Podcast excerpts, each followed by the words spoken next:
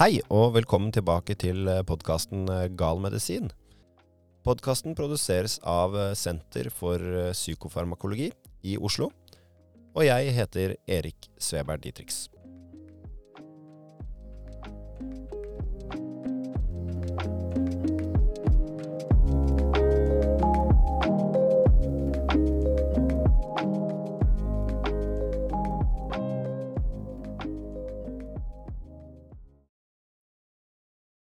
Ekstremværet Hans rammet store områder i Sør-Norge samt deler av Sverige, Finland og Baltikum i starten av august 2023.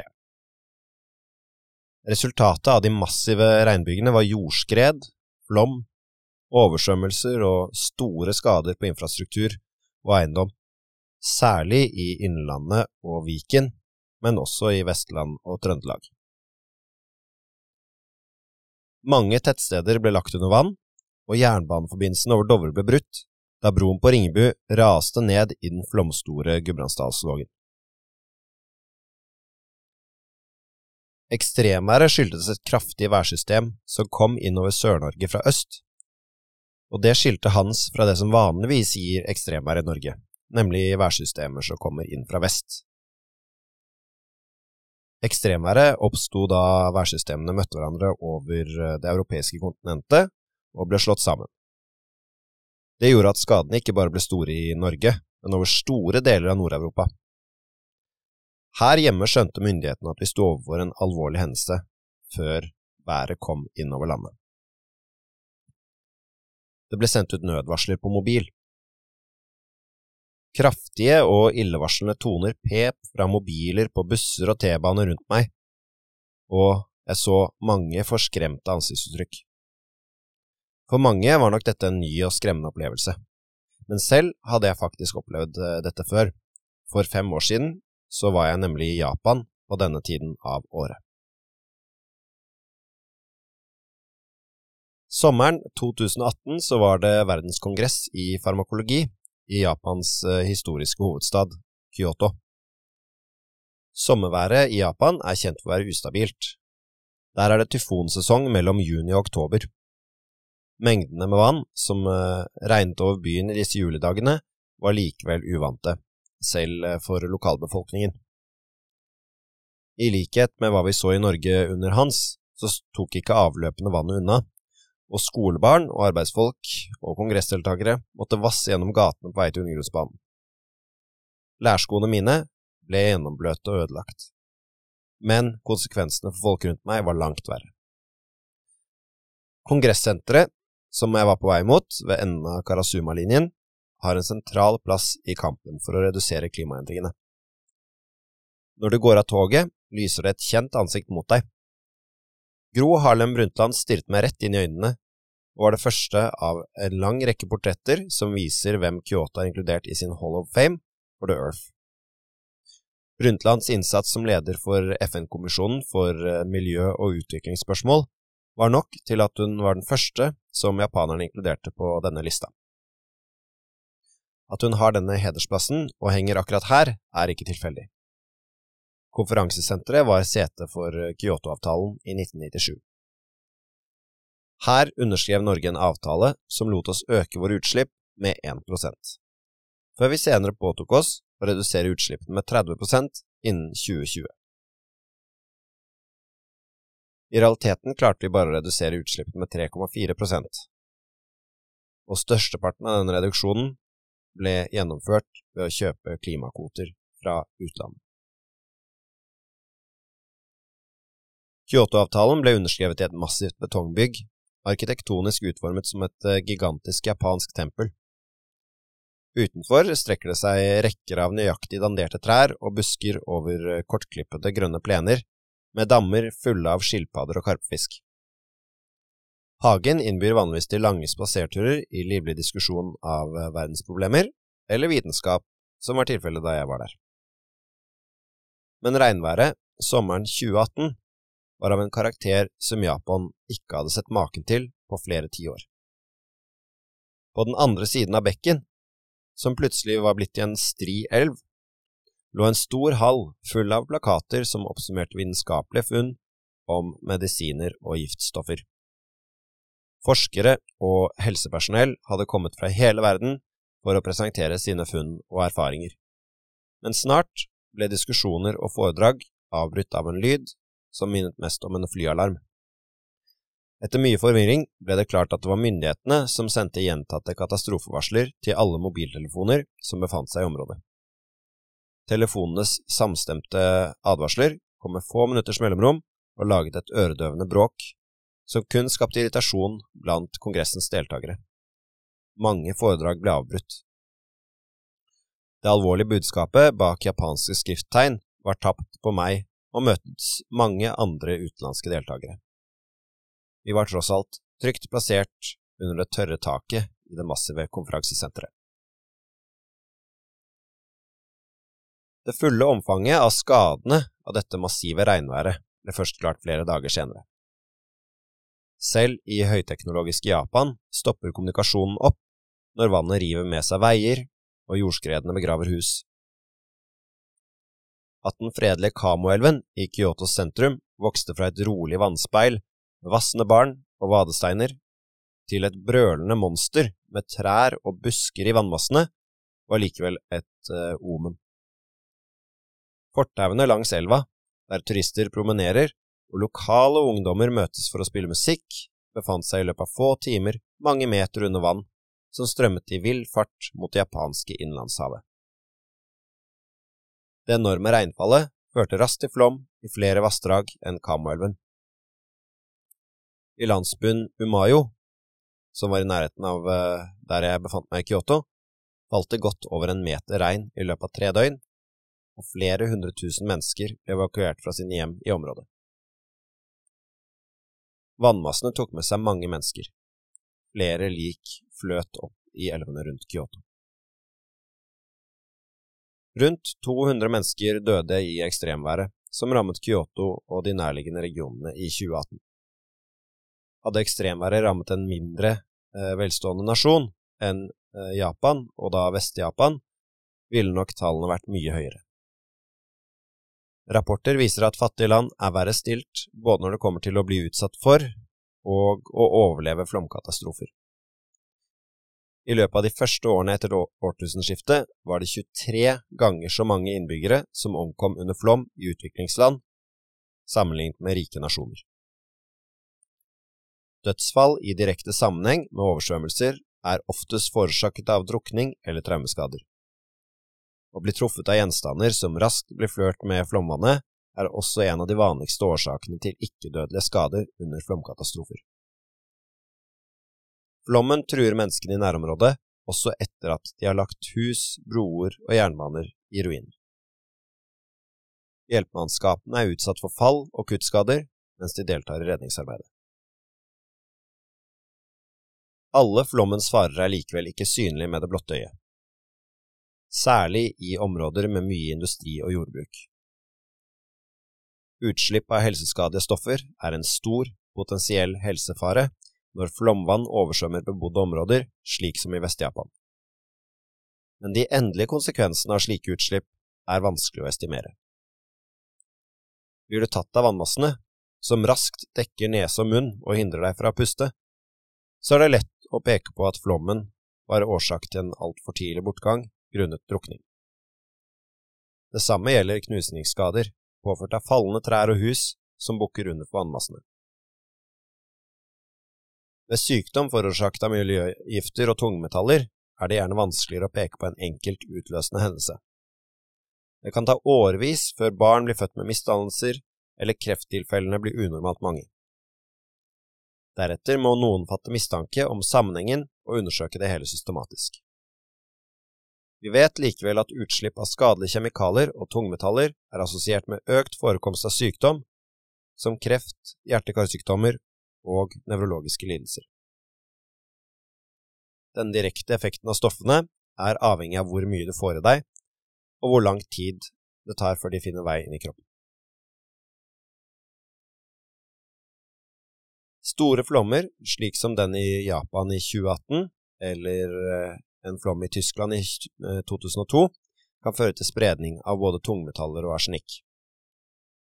I 2002 var det nemlig en uke med intenst regnvær over store deler av Sentral-Europa. Også dette skjedde i august, og førte til flom. Mange store elver, som Elbe, Eltava og Donau, nådde rekordstore høyder. Over 200 mennesker mistet livet, og mange land ble rammet, Tyskland hardest av alle. I Dresden, som ligger langs elven Elbe, måtte 30 000 mennesker evakueres. Vannkvaliteten i Elbe har gradvis blitt bedre siden slutten av 1980-tallet, men tidligere tiders utslipp av tungmetaller og arsenikk ligger fortsatt lagret i sedimenter og elvebunnen. Da elven gikk over sine bredder i 2002, ble de oversvømt, og slettene ble kontaminert av disse miljøgiftene. Arsenikk, som jeg snakket om i forrige episode av Gallmedisin, forurenset store områder. Forurensing av elveløp er et enormt globalt problem. Det er mange typer kjemikalier og søppel som renner ut i og dumpes i vannet, og konsekvensene er følgelig svært forskjellige. Stoffer som er beregnet på å gi spesifikke effekter i menneskekroppen, er blant dem som lekker ut. Undersøkelser viser at elver ved store byer i Pakistan, India, Bolivia og Etiopia inneholder høye konsentrasjoner av legemidler, men slike utslipp finnes over hele kloden. I 25% av undersøkte elver var nivået av minst ett legemiddel høyere enn antatt trygge verdier. Det smertestillende middelet paracetamol var et vanlig funn. Det samme gjaldt diabetesmedisinen metformin. Langvarig eksponering for slike stoffer kan ha alvorlige konsekvenser for dyreliv i elvene. Det mest skremmende funnet var likevel fra Barisal i Bangladesh, der antibiotikumet metronidazol fantes i en konsentrasjon som var 300 ganger høyere enn det som ble ansett trygt. Når dyr og mennesker blir eksponert for slike antibiotikamengder over tid, er det stor fare for at bakteriene utvikler resistens mot fremtidig behandling. Forurensning fra produksjon av legemidler og annen type industri kan også gi andre økologiske og helsemessige utfordringer. Det negative potensialet er stort, der fabrikker og jordbruksområder ligger tett på hverandre og er avhengig av samme elveløp for vannforsyning og utslipp av avløpsvann. Et urovekkende eksempel renner mellom noen av Italias mest kjente ruiner og under et av verdens mest ikoniske fjell. Rett sør for Napoli strømmer den skittenbrune elven Sarno forbi Pompeii og Vesuv mot havet. På sin korte vei fra det fjellrike innlandet av den italienske støvelen rekker elven å samle langt mer enn frisk regnvann. I dag regnes Sarno som Europas mest forurensede elv. På sin korte ferd mellom fjellkjeden Apenninene og Tyrenhavet møter Sarno store mengder fabrikkpiper og avløpsrør. Rundt en million mennesker bor i småbyer langs elven og dens eh, sidegrener, i et av Italias tettest befolkede områder. Høyere oppe i vassdraget krysser Sarno frodige jorder og under småveier som går på kryss og tvers mellom landsbyene. Langs Sarno ligger også garverier som lager lærprodukter, store legemiddelprodusenter og eh, tomatindustri. Avløpsvann fra flere hundre fabrikker og matvareprodusenter finner sin vei ned i elvevannet. Herfra strømmer det til Napoli-bukta, mellom gårdsbruk og dyrket mark. Vannet i eh, elven Sarno ble tidligere brukt til å vanne jordene som strekker seg fra elvebredden. Jorden rundt den skitne elven er perfekt for produksjon av både vindruer og tomatplanter. Kjemikaliene i Saunos elvevann kunne dermed finne veien ned i rødvinsflasker og bokser med hermetiserte tomater. I dag har myndighetene stoppet bruken av det skitne vannet til vanning. Det er altfor farlig. Italia er kjent som et eh, foregangsland innen moteindustri. Designere og klesprodusenter er avhengig av eh, gode råvarer. Garveriene sørger for at dyrehud kan brukes i skinnbukser og belter. Kunsten består i å hindre huden fra å råtne. Gjennom garvingen skapes lær. Produksjonen har lenge vært stor langs eh, Sarno. Prosessen er omfattende, og som regel brukes kjemikalier, gjerne krom. Metallet øker hastigheten på prosessen, Krumgarving tar kortere tid. Vann er en viktig ingrediens i garveprosessen. Etter at vannet er brukt i leirproduksjonen, må det ut av fabrikken igjen. Garveriene ligger derfor langs elven. Med seg tok avløpsvannet kjemikalier ut i Sarno. I dag importerer mange av bedriftene rundt Sarno ferdiggarvede materialer. Forurensningen er flyttet ut av Italia. Flere spor etter fortiden henger likevel igjen. Sedimentprøver fra elven viser tydelig hvilken forurensning som har kommet fra garveriene. I fjellene rundt Elvedalen finnes det knapt krum i bekkene som løper sammen til Sarno. Ikke lenge før de samles, passerer en av sideelvene den eh, lille byen Nocera Inferiore. Her hindrer betongdiker grumsete elvevann fra å trenge inn i hus og gater. Underveis fra fjellet har Sarno passert mange tradisjonelle garverier. Krumkonsentrasjonen på elvebunnen i Nocera Inferiore er opptil 100 ganger høyere enn i fjell. Krum kan brukes til å beskytte andre typer metall og lær mot å forvitre, men for oss mennesker så er det farlig. Seksverdig krum kan eh, forårsake det vi kaller oksidativ skade på de røde blodcellene, som dermed hemoliserer og altså sprekker og tømmer sitt innhold ut i blodbanen. Er skaden stor, og antallet røde blodceller som hemoliserer eller sprekker, høyt, så vil noen av våre viktigste organer få problemer. Hemoglobinet og det jernet som er bundet til dem, finnes inni de røde blodcellene og vil kunne avleires i nyrene og føre til at de blir skadet og i verste fall at du får en alvorlig nyresvikt. Slikt seksverdig krum finnes blant annet i kjemikalier brukt i garving, og kan forårsake andre former for alvorlig skade. Stoffet forårsaker stor irritasjon av huden og kan føre til utslett og sårskader. Mer alvorlig er det at seksverdig krum kan forårsake skade på arvematerialet vårt og føre til mutasjoner med dannelser av kreftsvulster i kroppen. Vi har visst det lenge. Det er faktisk mer enn 130 år siden den første rapporten om at arbeid med krum ga krefttilfeller. I den grønne Saunodalen er man blitt bevisst på problemet, men skaden er allerede skjedd. Jordbrukslandet er fullt av tungmetaller. Tomater og vindruer vokser på jord med stort innhold av krum, kvikksølv og bly. Hva skjer da med en kropp som baserer sitt kosthold på lokale grønnsaker og nyter vin fra Elvedalen? Undersøkelser fra lokale sykehus viser urovekkende funn. En stor andel av befolkningen rundt Sarno lider av hudsykdommer og andre plager som kan knyttes til forurensning av jord og vann. Italienerne forsøker å ta grep om situasjonen, og i dag føres mindre fabrikkavfall ut i den skittenbrune elven. Både i garverier og annen type industri fortsetter likevel de forurensende prosessene andre steder i verden, der både kjemikalier og metaller havner i elvevannet. På motsatt side av jordkloden for Italia ble brasilianske Barcarena rammet av et svært kraftig regnvær i februar 2018. Byen er hjemsted for verdens største aluminiumsraffineri, Alunorte. Fabrikkens renseanlegg fikk problemer i regnværet. Store bassenger med avfall fra produksjonen sto i fare for å bli oversvømt. Løsningen på det akutte problemet skulle bli skjebnesvanger. Kanskje ble avgjørelsen tatt på bakgrunn av fabrikkens plassering. Utenfor gjerdene vokser tett regnskog. Få steder på kloden er mer frodig enn de nordre delene av Brasil, hvor Amazonas strømmer gjennom ugjennomtrengelig vegetasjon og fører enorme mengder grumsete vann mot havet. Paraelva, som henger tett sammen med Amazonas, renner nært innpå Alunorte. Skjult i den grønne vegetasjonen utenfor den enorme fabrikken ble det på slutten av 1980-tallet bygget en kanal til avfallsbassengene. Kanalen muliggjorde den fatale løsningen på problemet som ble skapt av det enorme regnskyllet i 2018. Oversvømmelsene på fabrikken ga behov for et avløp. Kanalen var løsningen på en akutt situasjon som truet avfallsbassengene i styrtregnet.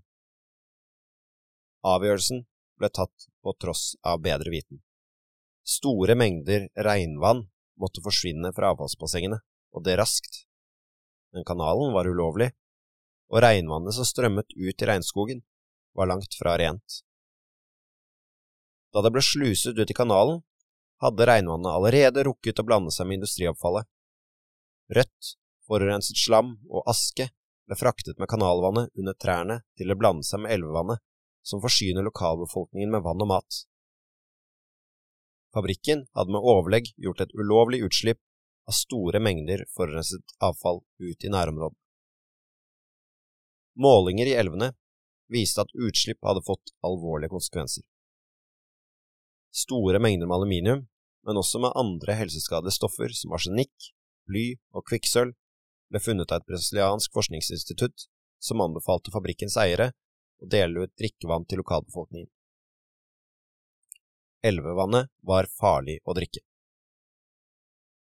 Konsekvenser av utslippene forplantet seg nordover og krysset Atlanterhavet. Fabrikkens hovedaksjonær er den norske stat. Etter avsløringene og innrømmelsen av ulovlige, kontrollerte utslipp falt Norsk Hydro-aksjen som en stein. Norsk Hydro innrømmet å ha brukt den ulovlige kanalen under det katastrofale regnværet i februar 2018. Helsemyndighetene ble nå oppmerksomme på hva som skjedde. Lokalbefolkningen hadde klaget i flere år over at fabrikken forurenset vannet deres. Mange slet med løs mage og kvalme, samtidig som fisken i elven døde. Dyrking av frukt og grønnsaker ga ikke samme resultat som innbyggerne vant med. Det var først etter noen dager med ekstremvær at omverdenen ble oppmerksom på anlegget i Bakkarene. Målinger av aluminiumsutslipp ble gjort i nærliggende bekker, og eh, forskeren Marcello Lima fortalte om hva han hadde funnet til utenlandske aviser. Nivået av aluminium var 220 ganger høyere enn hva som er lovlig i Brasil. Ved utgangen av avløpskanalen var nivået langt høyere. Seks gram aluminium fantes for hver liter med vann som rant ut. 60 000 ganger høyere enn det som er lovlig. Å drikke vannet fra Barcarena var helseskadelig. Det inneholdt mengder aluminium som er langt over det mennesker skal ha i seg. De negative effektene kan forekomme mange steder i kroppen din. Benbygningen blir rammet, slik at eh, skjelettet blir mykt og er lettere for å brekke. Hjernen takler store mengder aluminium dårlig. For mye av metallet kan gi lokaliserte epileptiske anfall. Høye aluminiumverdier settes også i sammenheng med nevrodegenerative sykdommer som eh, Alzheimer, altså den vanligste årsaken til eh, demens. Sammenlignet med Dhaka, som er hovedstaden i Bangladesh, er eh, folketettheten rundt eh, elvene Sarno og Para minimal. Dhaka er nemlig en av verdens største byer. I luksusleiligheter, uferdige betongbygg og slumstrøk langs bredden av den store elven Buriganga er over 18 millioner innbyggere samlet. Bangladesh er et elveland. 90% av landmassen ligger i åpne elvedeltaer, mindre enn ti meter over havoverflaten. Mer enn 150 millioner mennesker bor i et land som gjennomstrømmes av enorme mengder vann fra Himalaya-fjellene. I elvene finnes mer enn vann. De har med seg store mengder livgivende mineraler, sand og leire. Avsetningen gir Bangladesh et rikt jordsmonn og nærer en rik fauna. Vannet danner også livsgrunnlaget for menneskene, men samtidig utgjør det en stor fare. Drukning er årsak til nesten halvparten av dødsfallene blant barn som er mellom ett og fire år gamle i Bangladesh. Flere av Dakas bydeler har funnet sin plass på elvebredden ved Buriganga. Blant dem er Hasaribag, her henter Dhaka sin status som en av verdens mest forurensede byer. Aseribag er en slum med stor industri. Både arbeidsforholdene og boforholdene er svært dårlige. I noen kanaler ligger søppelet så tett at de spinkle styltebordene over vannflaten virker rent overflødige. Under overflaten står det like dårlig til. I vannet finnes mange skadelige stoffer. Utslippene kommer i stor grad fra en industri som i likhet med langs Saunoelven har sitt senter i Asaribag, garveriene. Også i Dhaka blir krum brukt i garvingen. Gjennom noe som kalles wet blue-metoden dannes lær som får en lyseblå tone. Den ferdige råvaren gir grunnlag for en stor mengde produkter til eh, en utall forskjellige formål. Dyrehud fra Bangladesh blir til sko og hansker i Tyskland og Italia. Produksjonen av lær i Asaribag foregår i det fri.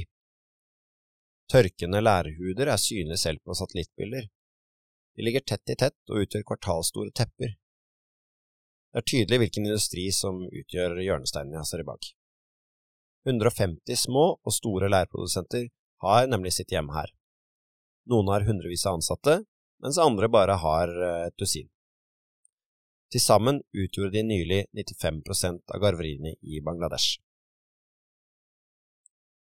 I Asaribag så jobbet rundt 10 000 voksne barn side om side, men arbeidet var langt fra ufarlig. Lyseblått lær ble til i åpne kar fulle av kjemikalier. Hansker og støvler ga ikke tilstrekkelig beskyttelse når arbeidet gikk fort og væsken sprutet.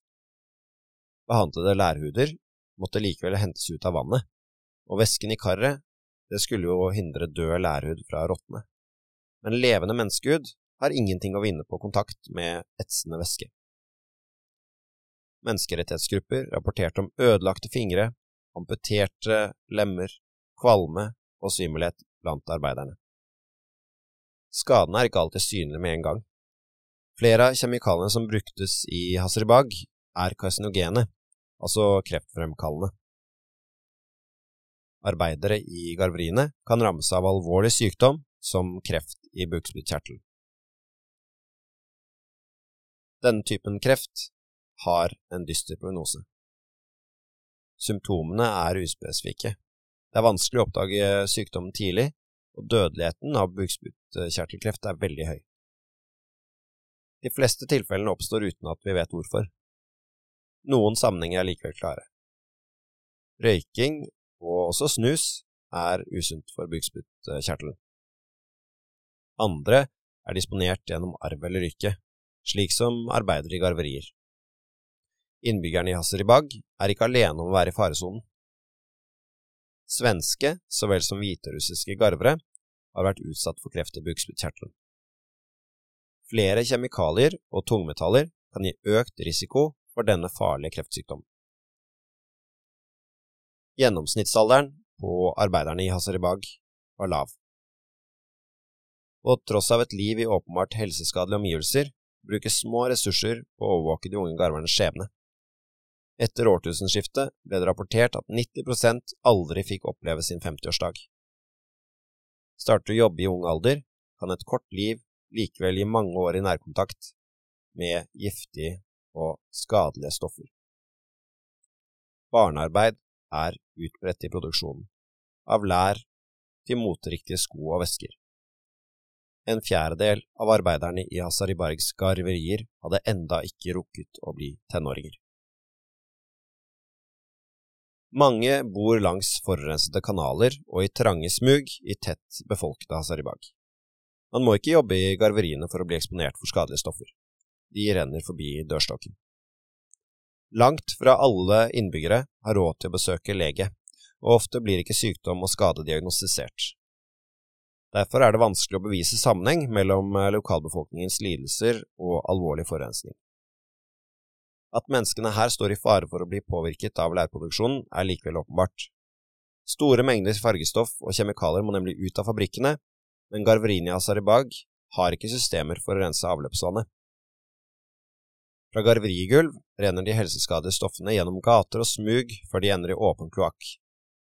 Mer enn 20 000 kubikkmeter urenset avløpsvann ender i elven Briganga hver dag. Fattige innbyggere har lenge måttet leve med stank, forsøpling og redsel for egen helse. Asaribag havnet i 2013 på en lite ettertraktet liste over de ti mest forurensede stedene på jorda. Den kraftige forurensningen er en del av lokalbefolkningens hverdag, som nå er i endring. Kanskje er det verdens øyne som eh, brenner i myndighetenes nakke. brudd på menneskerettighetene er synder som det ikke nyttet å distansere seg fra, og retten til tilstrekkelig levestandard er brutt på mest åpenbare vis i forsøplede Hasaribag. I årevis har forurenset avløpsvann rent eh, rett ut i åpen kloakk. Hvor mye som er trukket ned i jorden under blikkskur og provisoriske fabrikklokaler, er det vanskelig å si. Nå skal garveriene vekk, og industrimysteriet i Bangladesh vurderer sine muligheter. Når garveriene er flyttet og blikkskurene revet, skal Hazaribag forvandles til et moderne boligområde. Få av disse grelle eksemplene på forurensning av elvevann med uante konsekvenser for befolkningen er heldigvis direkte relaterbare til Norge. Likevel vet vi lite om eh, hva dagens og fremtidens ekstremvær vil bringe med seg. Ekstremværet Hans har vist at vi ikke er forberedt på hva som kommer med klimaendringene. Flomstore elver har gjort stor og akutt skade på bygder og byer på Østlandet. Også her har urenset kloakk rent rett ut i Mjøsa. Renseanleggene var ikke beregnet på store mengder flomvann. Den rammede befolkningen må slite med ettervirkningene i lang tid framover, først og fremst på grunn av vannskader og erosjon, men kanskje også med stoffer som vannet har tatt med seg og avleiret i jorda.